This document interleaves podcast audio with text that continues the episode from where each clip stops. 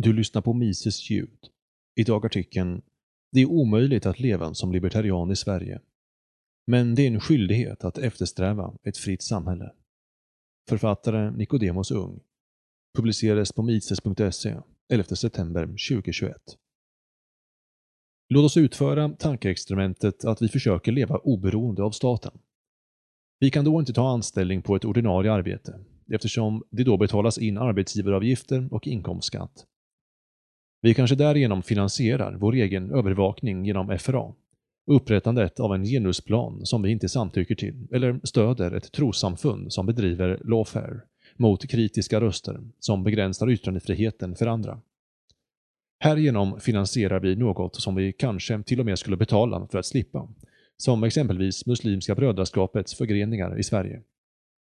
Tänk er vidare att vi därför, för argumentets skull, börjar arbeta svart för att undvika skatter. Hur ska vi då handla mat och kläder? Säg att vi har barn. Hur ska vi undvika att det går i skolan? Om vi reser betalar vi skatt för bensinen. Om vi köper mjölk till barnen betalar vi moms. Om vi bär hem maten i plastpåsar så betalar vi en särskild skatt på detta och om vi tar tåg eller buss betalar vi moms på biljetterna. Vi bestämmer oss därför att bosätta oss i skogen och leva helt utanför samhället. Snart kommer emellertid en överheten att knacka på vår hydda och fråga varför vi inte uppfyller skolobligatoriet. När vi svarar att vi ringer tillbaka så kommer vi också på för sent att all telekommunikation är belagd med moms. Vi riskerar att staten tar barnen ifrån oss och hyddan ses som ett tecken på bristande föräldraskap. Vi måste därför emigrera. Det är den enda utvägen då hemskolning är förbjuden och vi inte vill förlora vårdnaden över våra barn.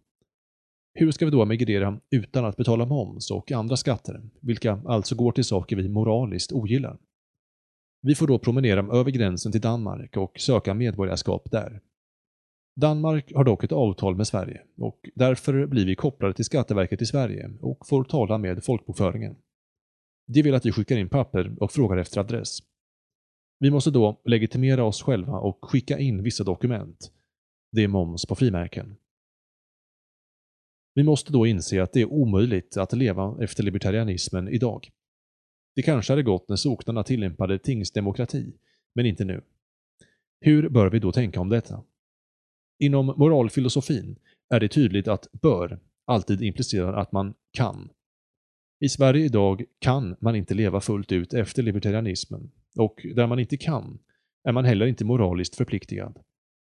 Om du är satt i fängelse och bara kan överleva på fängelsemat så gör du inte moraliskt fel när du äter denna.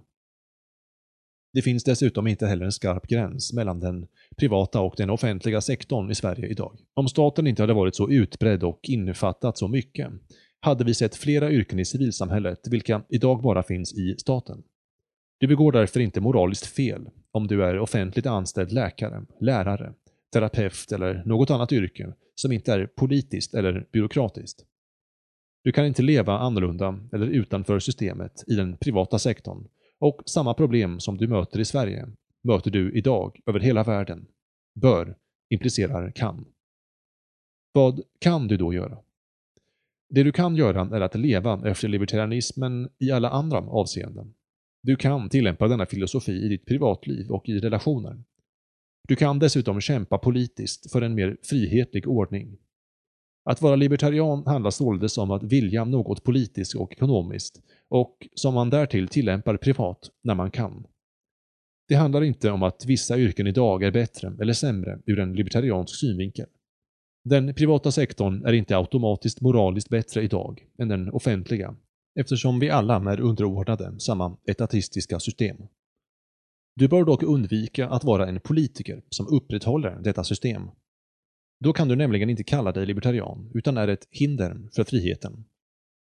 Det finns också vissa yrken som inte skulle efterfrågas på en privat marknad eller i ett fritt västerländskt civilsamhälle. Vi vet exempelvis att fattigvård och sjukvård för de sämst ställda fanns och finns i frihetliga civilsamhällen medan exempelvis genuspedagoger och normkritiker inte fanns och sannolikt skulle ha ett relativt lågt marknadsvärde i framtiden.